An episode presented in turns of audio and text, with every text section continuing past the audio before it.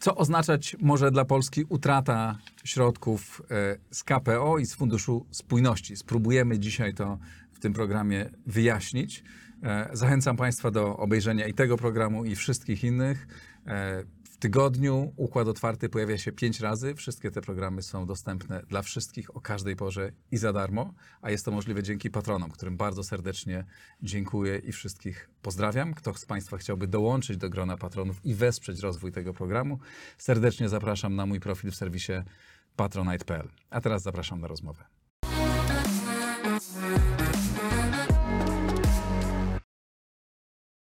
Ignacy Morawski, główny ekonomista Pulsu Biznesu. Dzień dobry. Dzień dobry. Witam pana pierwszy raz w Układzie Witam, Otwartym. bardzo mi miło, dziękuję Mnie za zaproszenie. E, dziękuję, że pan przyszedł. No to co, nie dostaniemy tych pieniędzy i z KPO, i z Funduszu Spójności? No, jakiejś części pieniędzy pewnie nie dostaniemy, e, nie wiadomo jakiej. E, wydaje mi się, że bardzo mało prawdopodobny jest scenariusz, w którym my w ogóle nie dostajemy tych pieniędzy.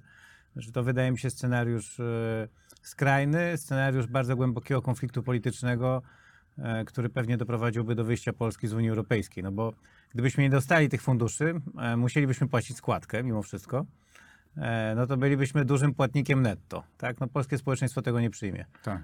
w żadnej konfiguracji. Więc wydaje mi się, że wtedy wychodzimy z Unii Europejskiej, co nikomu nie będzie się opłacało. Ani nam, ani Unii Europejskiej, ani Niemcom, ani Francji. Więc ja sądzę, że to jest naprawdę skrajny scenariusz kompletnej nieodpowiedzialności po obu stronach. Więc wydaje mi się, że dostaniemy większość tych pieniędzy. Pytanie, jaką większość? Czy jesteśmy w takiej fazie zwarcia igier, Tak. które, jak to bardzo często w Unii, kończą się jakimś kompromisem? Ale wyjaśnijmy najpierw, o jakich pieniądzach mówimy, jeżeli możemy to zobrazować. Jakie mniej więcej te pieniądze nam mogą przysługiwać z KPO i z Funduszu Spójności i jaka to jest część budżet, całego polskiego budżetu? Tak. No, mówimy o e, 75 miliardach euro z Funduszu Spójności, czyli tego głównego budżetu Unii Europejskiej, głównej części budżetu Unii Europejskiej, który służy e, pomocy słabszym regionom. To jest 75 miliardów euro i mówimy o około 25 miliardach euro e, ze specjalnego funduszu odbudowy po COVID. E, To jest taki, to nie jest taki tradycyjny budżet, ale można powiedzieć specjalny, po pandemii, żeby Europa się szybciej odbudowała. No więc razem mamy około 100 miliardów euro i żeby to przełożyć na jakieś takie wielkości, które będą łatwiejsze do wyobrażenia, e, to te 100 miliardów euro, jak rozłożymy na te kilka lat, e, czy 7 lat powiedzmy Funduszy Spójności, no to wychodzi mniej więcej około 2% polskiego PKB. Tak? Dwa, jaka część teraz, teraz całego? tak, 2% polskiego PKB. Najlepiej, najlepiej odnieść to, znaczy ja myślę, że gdybyśmy to odnieśli do całości budżetu państwa, kiedy Mhm. mówimy o e, rząd, samorządy, ubezpieczenia społeczne, no to całość e, e, sektora finansów publicznych, wydatków, to jest ponad 40% PKB rocznie, więc to nie jest e, dużo. Ale ja, moim zdaniem jest inne, lepsze odniesienie. To jest wielkość inwestycji publicznych, czyli inwestycji w drogi, infrastrukturę taką jak szkoły, uczelnie, laboratoria, lotniska, porty, wszystko, co możemy nazwać szeroko pojętą infrastrukturą, tak? czyli budynki, drogi. Tak. To jest to, co widzimy i co bardzo odczuwamy. Tak, tak. No to łącznie takie inwestycje to jest około 4-4,5% PKB. Mhm. E, w relacji do naszego dochodu tak, krajowego. Czyli Więc to jest niecała połowa. No niecała, około, tak, niecała połowa. Więc niecała połowa inwestycji, które realizujemy w Polsce publicznych, drogi, mosty, e, linie kolejowe, tabor kolejowy, bo to jest mocno widoczne w ostatnich latach, ale też na przykład porty, lotniska, e, infrastruktura miejska, to też jest istotne. Pewnie wszyscy widzą, jak miasta się zmieniają w obszarze infrastruktury. No więc połowa tych inwestycji to są e, pieniądze e, z, z Unii Europejskiej, więc to jest dość dużo. To jest E, Tym dużo. bardziej, ja, ja, bo niektórzy mogą powiedzieć tak, e, 2% PKB to przecież tu oszczędzimy, tam oszczędzimy, tu trochę podniesiemy deficyt, okej. Ale nieprzypadkowo, zanim e, nie zaczęły płynąć te pieniądze, my żeśmy praktycznie nie realizowali dużych inwestycji publicznych. Mhm. Nie było nowych autostrad, nowych linii kolejowych, nowego taboru kolejowego. Do 2000 mniej więcej 8-9 roku, kiedy te pieniądze zaczęły płynąć dużą falą. Nowych linii kolejowych to do dzisiaj nie mamy. E, tak, e, tak, linii do dzisiaj, do dzisiaj nie mamy, to prawda, ale nowego taboru. Tak. to z tym taborem był problem. No, ale chcemy budować CPK, było- który jest projektem tak. też kolejowym i rozumiem, że na Więc to to jest przede dużo, wszystkim 2% pieniądze. PKB. To jest z, dużo. e, Ten, czyli utrata tego nie byłaby e, łatwa do przełknięcia. No nie. Aczkolwiek też, powiedzmy, politycznie e, dla obecnego rządu, którego celem jest dotrwanie do, do najbliższych wyborów i wygranie ich albo nie przegranie spektakularnie, no to wyobraźmy sobie czarny scenariusz, teraz, że tych pieniędzy nie dostajemy, no to poza tym, że to słychać, tak, to bardzo źle brzmi i możemy tu opowiadać, jakie są straty, to jeszcze tego tak nie, nie odczujemy w ciągu najbliższego roku. Nie, znaczy, No nie zauważymy, że tych autostrad nie ma, czy że znikają, no bo nie będą znikać. Tak, ale moim zdaniem e, będzie to odczuwalne w inny sposób. Rzeczywiście pewnie taka odczuwalność na, na poziomie obserwacji, że o, nie ma na przykład e, now, nowych e, wagonów kolejowych, tak, e, nie będzie duża, ale wydaje mi się, że gdybyśmy w ogóle mieli nie dostać tych pieniędzy albo dostać ich dużo mniej, to mm, postrzeganie wiarygodności finansowej polskiego rządu się pogorszy, tak? I wtedy będziemy mieli wyraźnie słabszego złotego, wyższe rentowności obli- obligacji, a, a mówiąc prościej, znacznie większą trudność rządu w sprzedaży swoich obligacji, co będzie oznaczało konieczność prawdopodobnie cięcia jakichś wydatków, więc obywatele to odczują w inny sposób. Nie bezpośrednio poprzez mniejszą wielkość inwestycji publicznych, ale na przykład poprzez mniejsze transfery różnego rodzaju. No chociażby, podając jakiś taki przykład, fakt, że nie waloryzujemy świadczenia 500+, e, wynika z faktu, że są jakieś ograniczenia budżetowe, tak? Nie można robić wszystkiego. No, teraz pomagamy odbiorcom węgla i, i po- pomagamy dystrybutorom prądu, żeby, żeby ceny prądu były zamrożone, więc nie możemy zrobić na przykład waloryzacji 500+. Jeżeli nie będziemy mieli funduszy europejskich i rząd będzie miał problem ze sprzedażą obligacji na rynku, to będzie dużo więcej obszarów, gdzie nie da się e, zwiększyć wydatków, więc to będzie odczuwalne. Wydaje mi się, że to będzie odczuwalne tak na, na bieżąco. Wyższa inflacja też będzie, tak, bo słabszy kurs waluty oznacza wyższe ceny importowanych towarów i wyższą inflację, więc Czy będą wyższe ceny w sklepach Tak. i wtedy już ludzie zaczną Tak. to odczuwać i to już będzie się przekładać również na politykę, na, na, na sympatię do partii Tak. jednej czy drugiej.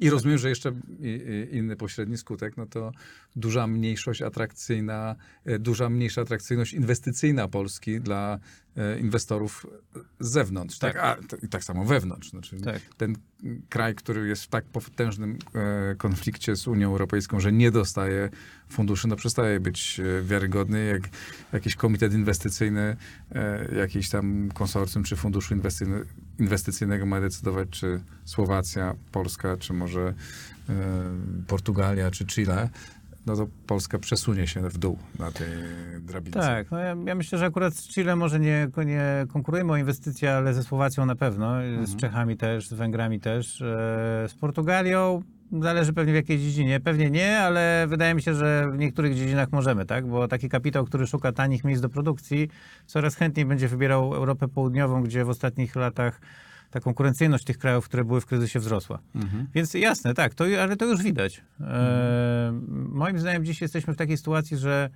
o ile jeszcze firmy, które są w Polsce, raczej nie postrzegają e, sytuacji w, jako krytycznej, takiej makroekonomicznej, tak? Te, te firmy, które prowadzą tu biznes, nie wiem, przedsiębiorstwa chociażby motoryzacyjne, których jest bardzo dużo, jak tak patrzę na informacje, to jest, jest sporo y, y, decyzji o kontynuacji inwestycji albo nawet rozbudowie. Natomiast z tego, co słyszę, widzę, rozmawiam, jest bardzo duża nieufność inwestorów finansowych, czyli nie takich, którzy budują na przykład fabrykę, ale takich, którzy załóżmy kupują akcje na giełdzie albo obligacje. Tak? E, to jest jedna rzecz. I duża nieufność inwestorów z dalszych, e, powiedzmy, geograficznych destynacji, typu Stany Zjednoczone. E, to już z paru źródeł słyszałem od osób i ze Stanów Zjednoczonych, i, i takich, którzy zajmują się obsługą inwestycji, że naprawdę postrzeganie Polski bardzo się pogorszyło w ostatnim czasie. Więc jasne, no to jest e, jakby problem na wielu poziomach, tak? Ten brak funduszy europejskich. Ja też nie chcę powiedzieć, że w ogóle kraj nie mógłby się rozwijać, ale wymagałby naprawdę bardzo wielu wyrzeczeń, na, na które moim zdaniem e, w sensie politycznym nie jesteśmy zupełnie gotowi. Czyli, okej, to sobie wyjaśniliśmy, co to, co zablokowanie e, e, wypłat tych funduszy na najbliższe 7 lat w każdym razie, Tak. czy najbliższe lata by, e, by oznaczało. E, to teraz powiedzmy, jakby coś się zaczęło dziać, że oprócz KPO, że nagle mówi się o tym, że możemy też e, nie otrzymać środków e, z Funduszy Spójności, z których dostawaliśmy Tak. przez całe lata, no i których, skutki czego odczuwamy jeżdżąc po Polsce, chodząc po naszych miastach, właściwie wszędzie. Tak, to y, ja myślę, że należy najpierw spojrzeć na dwie główne e, części tych funduszy europejskich. No bo mamy Krajowy Plan Odbudowy, czyli ten specjalny fundusz po COVID, e, po pandemii COVID, o tym mówiłem. Czy pańskim zdaniem ten, On- to już jest przegrane, czy jeszcze nie, Nie, na do 100% końca? nie, ale szanse tu są mniejsze niż w tych funduszach spójności. I ten fundusz po COVID jest w ogóle specyficzny bardzo, bo on jest obwarowany wieloma warunkami. My dostaniemy te pieniądze, jeżeli spełnimy ileś, jak to się mówi, kamieni milowych, tak? czyli takich warunków. I tych warunków jest tam wpisanych, zdaje się, ponad 200. Tak? No z E, czego zdaje się pięć jest kluczowych. tak, większość to nie są takie bardzo istotne, ale to jest. Dlaczego te warunki się tam znalazły? Bo takie kraje jak Holandia, e, do pewnego stopnia Niemcy, które nie chciały dać na to pieniędzy, zgodziły się, że dadzą pieniądze na ten wielki program europejski, jeżeli te kraje, które dostaną najwięcej, będą robić jakieś głębokie reformy. Tak? No więc i w jednym z tych warunków kamieni, kamieni milowych jest zaprzestanie e, e, zmian w polskim sądownictwie, które e, są nakierowane na zwiększenie kontroli politycznej nad sądami. Tak? Więc tam w tym pl- planie odbudowy, krajowym planie odbudowy, Unia Europejska ma dużo, większy, du- dużo większe możliwości kontroli, czy wypłacić te pieniądze, czy nie. Jak my nie spełnimy tych kamieni milowych, to mogą tego nie wypłacać. Tak. Natomiast w przypadku Funduszy Spójności sytuacja jest trochę bardziej złożona, bo teoretycznie nie ma tak łatwej ścieżki, żeby zablokować te pieniądze. Eee, I wydawało się, że ze względu na to, że nie ma takiej ścieżki, to my spokojnie te pieniądze dostaniemy. I zresztą premier Mateusz Morawiecki e, mówił wielokrotnie, że te pieniądze są bezpieczne, już wkrótce zaczynamy wydawać.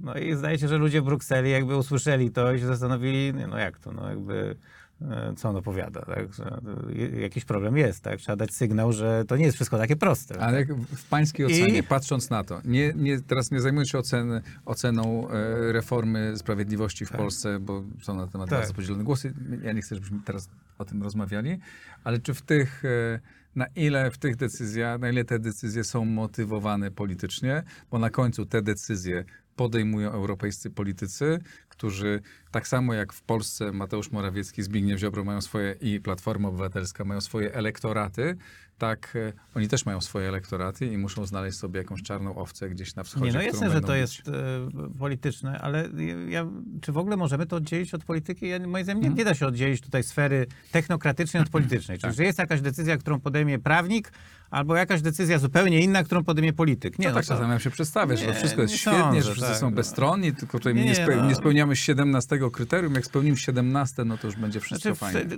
skupiając się teraz na tych funduszach spójności, tak, bo one nie mają tych różnych kamieni milowych i tam, tam to wygląda trochę inaczej. Więc są teoretycznie dwie, dwa, jakby, dwa sposoby odebrania tych pieniędzy.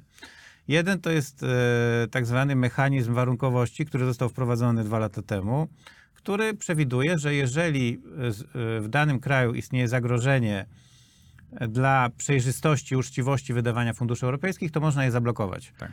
Tak, jeżeli na przykład zagrożenie to pochodzi ze strony na przykład naruszania praworządności. Ale bardzo ważne, tu nie chodzi o naruszanie praworządności jakiekolwiek, tylko takie, które grozi wydatkowaniu przejrzystemu i uczciwemu funduszy europejskich. Mhm. Tak? I, w, I to jest mechanizm, który dziś e, Unia próbuje zastosować, zastosować wobec Węgier. Tylko jedna ważna rzecz. Tylko, że między Polską a Węgrami, jak znam realia w obu krajach, jest spora różnica No jest, jest duża różnica na dwóch płaszczyznach. Raz, że tam rzeczywiście te fundusze wydawano w dużo mniej przejrzysty sposób niż w Polsce. Mm, bo Zdaje się, że tam wokół tych funduszy zbudowana została dość spora oligarchia polityczna. Tak? Pieniądze dostawali po prostu ludzie do tego predestynowani politycznie. No plus na, na poziomie takiego postrzegania Węgry są dziś dużo gorzej postrzegane niż Polska. Ale bardzo ważne jest tu to, że, te, że decyzja o odebraniu pieniędzy zapada nie w Komisji Europejskiej, czyli w tym ciele technokratycznym, tylko w Radzie Unii Europejskiej, gdzie są ministrowie i oni Tak. podejmują decyzję większością głosów. Kwalifikowaną, czyli tam musi być ponad 60% krajów, tak, jeszcze jakaś procent y, populacji. Unii Europejskiej. E, Więc tam zapada decyzja głosowaniem większościowym. I uważam, że dziś to, co dziś się dzieje, i to wyjaśnia trochę, na co gra nasz rząd, e, jest walka polityczna w Europie. Nasz rząd próbuje przekonać inne kraje, że jeżeli spróbują nam odebrać pieniądze, no to my zablokujemy wszystkie ważne decyzje w Unii Europejskiej. Tak? Więc my liczymy na to, że Włochy, Szwecja, Czechy, może jeszcze parę krajów nas poprze i nie zablokują nam tych pieniędzy. Więc idzie- idziemy na Tylko, zwarcie. tylko y, to jest moim zdaniem niezła taktyka pod jednym warunkiem, że mamy te narzędzia. To znaczy, że możemy coś rzeczywiście dużego zablokować. Co my możemy dzisiaj dużego zablokować? Realnie. No, e, ja myślę, że... Bo żeby zablokować, musimy, mieć te, musimy też mieć tą kwalifikowaną większość, tak? Czy przełamać tą kwalifikowaną większość. Tak, no, w, w, w Unii Europejskiej cały czas podejmowane są strategiczne decyzje w różnych obszarach, no chociażby polityki klimatycznej, tak? E, Będzie wiele decyzji do podjęcia, żeby wdrożyć pakiety klimatyczne. E, trudno mi powiedzieć, co konkretnego w najbliższym czasie Tak, będzie bo ja słyszałem właśnie, że nie ma, rozmawiałem Że z jednym specjalistą, że, e, że nie ma czegoś takiego, co moglibyśmy dzisiaj zablokować. Że raczej gdzie jest szansa dla Polski, a dzisiaj w tym, że jest e, dużo bardziej nam potencjalnie przychylny rząd we Włoszech, czy nowy Wło- rząd w Szwecji, krajach, które mają już jakby też spory wpływ, że możemy ich przekonać, a być może za ich pośrednictwem je, jeszcze kogoś i że tu jest szansa na taka na polityczne odblokowanie. No tak, znaczy ja szczerze mówiąc rzeczywiście nie wiem, jaka konkretna decyzja w najbliższych miesiącach miałaby być podjęta, natomiast postrzegam to po prostu jako próbę pokazania wszystkim, że będziemy blokować e, istotne decyzje w przyszłości. E, I próbę przestraszenia generalnie, albo przestraszenia, albo znalezienia sojuszników. I moim zdaniem ważnym punktem tu będzie głosowanie dotyczące Węgier, bo Komisja Europejska chce wstrzymać część funduszy spójności dla Węgier. Mm, Głosowanie ma być w grudniu w Radzie Unii Europejskiej i wtedy będzie widać, jak się rozkładają głosy, kto jest gotowy do radykalnych działań, kto nie. Tak więc moim zdaniem w grudniu będzie wiadomo więcej. Natomiast to nie jest jedyna ścieżka, żeby te pieniądze nam odebrać. To jest taka najbardziej oczywista, jasna. Jest jeszcze taka druga ścieżka, która jest zupełnie niejasna z prawnego punktu widzenia, z tego co obserwuję opinię prawników. Ścieżka, która się odwołuje do tak zwanej karty praw podstawowych. właśnie, to się pojawiło ni stąd, ni zowąd kilka czy kilkanaście Karta- dni temu. Tak, i to się pojawiło i są bardzo różne opinie prawników na temat tego, czy w ogóle tą ścieżkę Unia, Komisja Europejska może wykorzystać do zablokowania funduszy. Z tego, co rozumiem, co czytałem, to będzie to bardzo trudne, mm, że tego się nie da zrobić tak łatwo. Karta praw podstawowych to można powiedzieć taki zbiór spisanych wartości, na których opiera się Unia Europejska. Tam między innymi jest poszanowanie praw mniejszości, e, wszelkiego rodzaju religi- religijnych, tak, seksualnych i tak dalej. I w Polsce jest problem z, między innymi z, z tym punktem, ale zdaje się, że da się go rozwiązać e, dość łatwo. Natomiast wśród tych wartości jest też e, e, praworządność. E, I tu rozumiem, mogą I to nas chwycić. Tu Tak. mogą nas chwycić i powiedzieć, słuchajcie, no nie spełniacie tego warunku, nie wypłacimy wam pieniędzy. Ale Kłopot też tym, to ponieważ nie myśmy nie, podpi- myśmy nie podpisywali e, e, karty praw podstawowych, ale pomimo tego ona nas e, obowiązuje. Tak. y, I z tego, co ja czytałem, to e, wykorzystanie karty praw podstawowych do zakwestionowania pieniędzy w oparciu o nieprzestrzeganie praworządności jest niemożliwe. Tak? Taką opinię czytałem prawną kogoś. Inaczej, taka opinia prawnika w artykule jednej z agencji niemieckich prasowych się znalazła, prawnika z Brukseli. Więc wydaje mi się, że ta ścieżka nie będzie łatwa i tu jest, to jest takie moim zdaniem szare pole. To pewnie prawnicy powinni więcej powiedzieć, tak? Czyli trwa szukanie precedensów po prostu. Jak coś nie jest dokładnie spisane, to decydują precedensy. No więc y, zobaczymy po prostu, kto będzie miał większą siłę. Dlatego sądzę, że toczy się taka walka polityczna i trwa zbieranie głosów i sił. No, y, kto poprze Brukselę, a kto poprze Polskę. No, jeżeli się okaże, że wiele krajów jest niechętnych do zabierania Polsce pieniędzy, to podejrzewam, że Komisja Europejska nie będzie mogła tego zrobić. Czyli pomijając dyskusję o słuszności e, e, zarzutów wobec Polski, tak naprawdę trwa walka polityczna, do którego wykorzystywane są rozmaite preteksty prawne, których można użyć. No i pytanie, czy my się przed tym wybronimy, znaczy, czy albo politycznie, z, bo są dwa wyjścia, tak? Albo politycznie znajdziemy większość, która stanie za nami i, i nas po prostu wybroni, niezależnie od tego, kto ma w tym rację, albo drugie, pójdziemy na jakiś kompromis, z czegoś się Tak. wycofamy, Tak. gdzieś zrobimy jakiś myk. Viktor Orban pokazuje, że można wycofać się z wszystkiego cztery razy, zrobić piruet Tak. i na końcu dostać to, czego No, Orban jest w oczekuje. łatwiej, łatwiejszej sytuacji, bo on rządzi y, z, dość stabilną większością na Węgrzech. I sam rządzi, a nie ma Tak. 50 podfrakcji No, u nas jest ten problem, zdaje się, z koalicją po prostu Tak. e, PiSu, czyli z, z, z Solidarną Polską, która jest bardzo antyeuropejska i stawia warunki. Natomiast ja w ogóle, pan mówi polityczne, e, pan rozróżnia tech, technokratyczne decyzje od politycznych. Nie? Ja, Znaczy, ja tego tak mają, nie widzę. jedne mają, drugie, jedne ja mają wpływ to na jest wszystko drugie. proces polityczny. Czy ja uważam, że zastrzeżenia wobec braku praworządności w Polsce są uzasadnione. Natomiast czy można na tej podstawie nie wypłacić nam pieniędzy? Eee, wydaje mi się, że, że są do tego pewne przesłanki, eee, jeżeli chodzi o ten krajowy plan odbudowy, bo tam już są te kamienie milowe, my sami żeśmy to podpisali, tak, że Tak. się zobowiązujemy, no więc oni to teraz oceniają. Przypadku Funduszy Spójności, moim zdaniem, to nie jest takie proste. Trzeba będzie zastosować mechanizm, wydaje mi się, polityczny, czyli głosowania w Radzie Unii Europejskiej I sądzę, że to, to nie jest wcale jasne, że tam e, zwolennicy blokowania pieniędzy będą mieli większość. Więc na razie jesteśmy na etapie szukania precedensów. I teraz ja sądzę, że jeżeli Polska nie będzie miała e, tej mniejszości blokującej tę decyzję, tak? czyli zobaczymy, że nikt nas nie popiera. Tak? Jeżeli rząd zobaczy, że Włochy nas nie popierają, Czechy nas nie popierają, że jesteśmy sami, to moim zdaniem zrobią krok w tył. Jakoś zrobią, znajdą sposób. Ehm, te, te pieniądze są zawsze zbyt ważne dla, i dla rozwoju kraju, i dla utrzymania władzy, żeby walczyć e, do, do samego końca bez e, poparcia innych krajów. Rozumiem, że dowiemy się tego za kilka, za kilka miesięcy, ale jest pan umiarkowanym optymistą. Ja myślę, że jakieś pieniądze możemy stracić, e, ale jestem, umiarko- będziemy umiarkowani. jestem umiarkowanym, tak, w sensie, że nie wydaje mi się, żebyśmy stracili wszystko. Znaczy ja, ja wierzę, że, pro, że decyzje polityczne, nawet czy one są słu- słuszne, czy nie, e, podlegają jakiejś racjonalności. Uważam, że nie da się w Polsce rządzić w takich warunkach, jak jesteśmy, kiedy mamy tyle potrzeb wydatkowych na armię, e, transformację energetyczną, ochronę zdrowia, tak, to obietnica zwiększania wydatków. Nie da się w Polsce rządzić w najbliższych latach bez tych pieniędzy europejskich, utrzymać władzy. I sądzę, że, że rządzący zdają sobie z tego sprawę. Pieniądze niestety są e, potrzebne, również potrzebne są do tworzenia tego programu, więc jeśli Państwo chcecie wesprzeć rozwój Układu Otwartego, po to, żeby mógł prowadzić takie rozmowy, zachęcam do, e, do wsparcia na patronite.pl. Ignacy Morawski, główny ekonomista Pulsu Biznesu, bardzo Panu dziękuję. Dziękuję również. Dziękuję Państwu, oglądajcie inne rozmowy. Skomentujcie, napiszcie, co sądzicie e, na ten temat. Czy uważacie, że damy sobie radę, czy nie damy sobie radę bez e, pieniędzy unijnych. Dziękuję bardzo, do usłyszenia, do zobaczenia.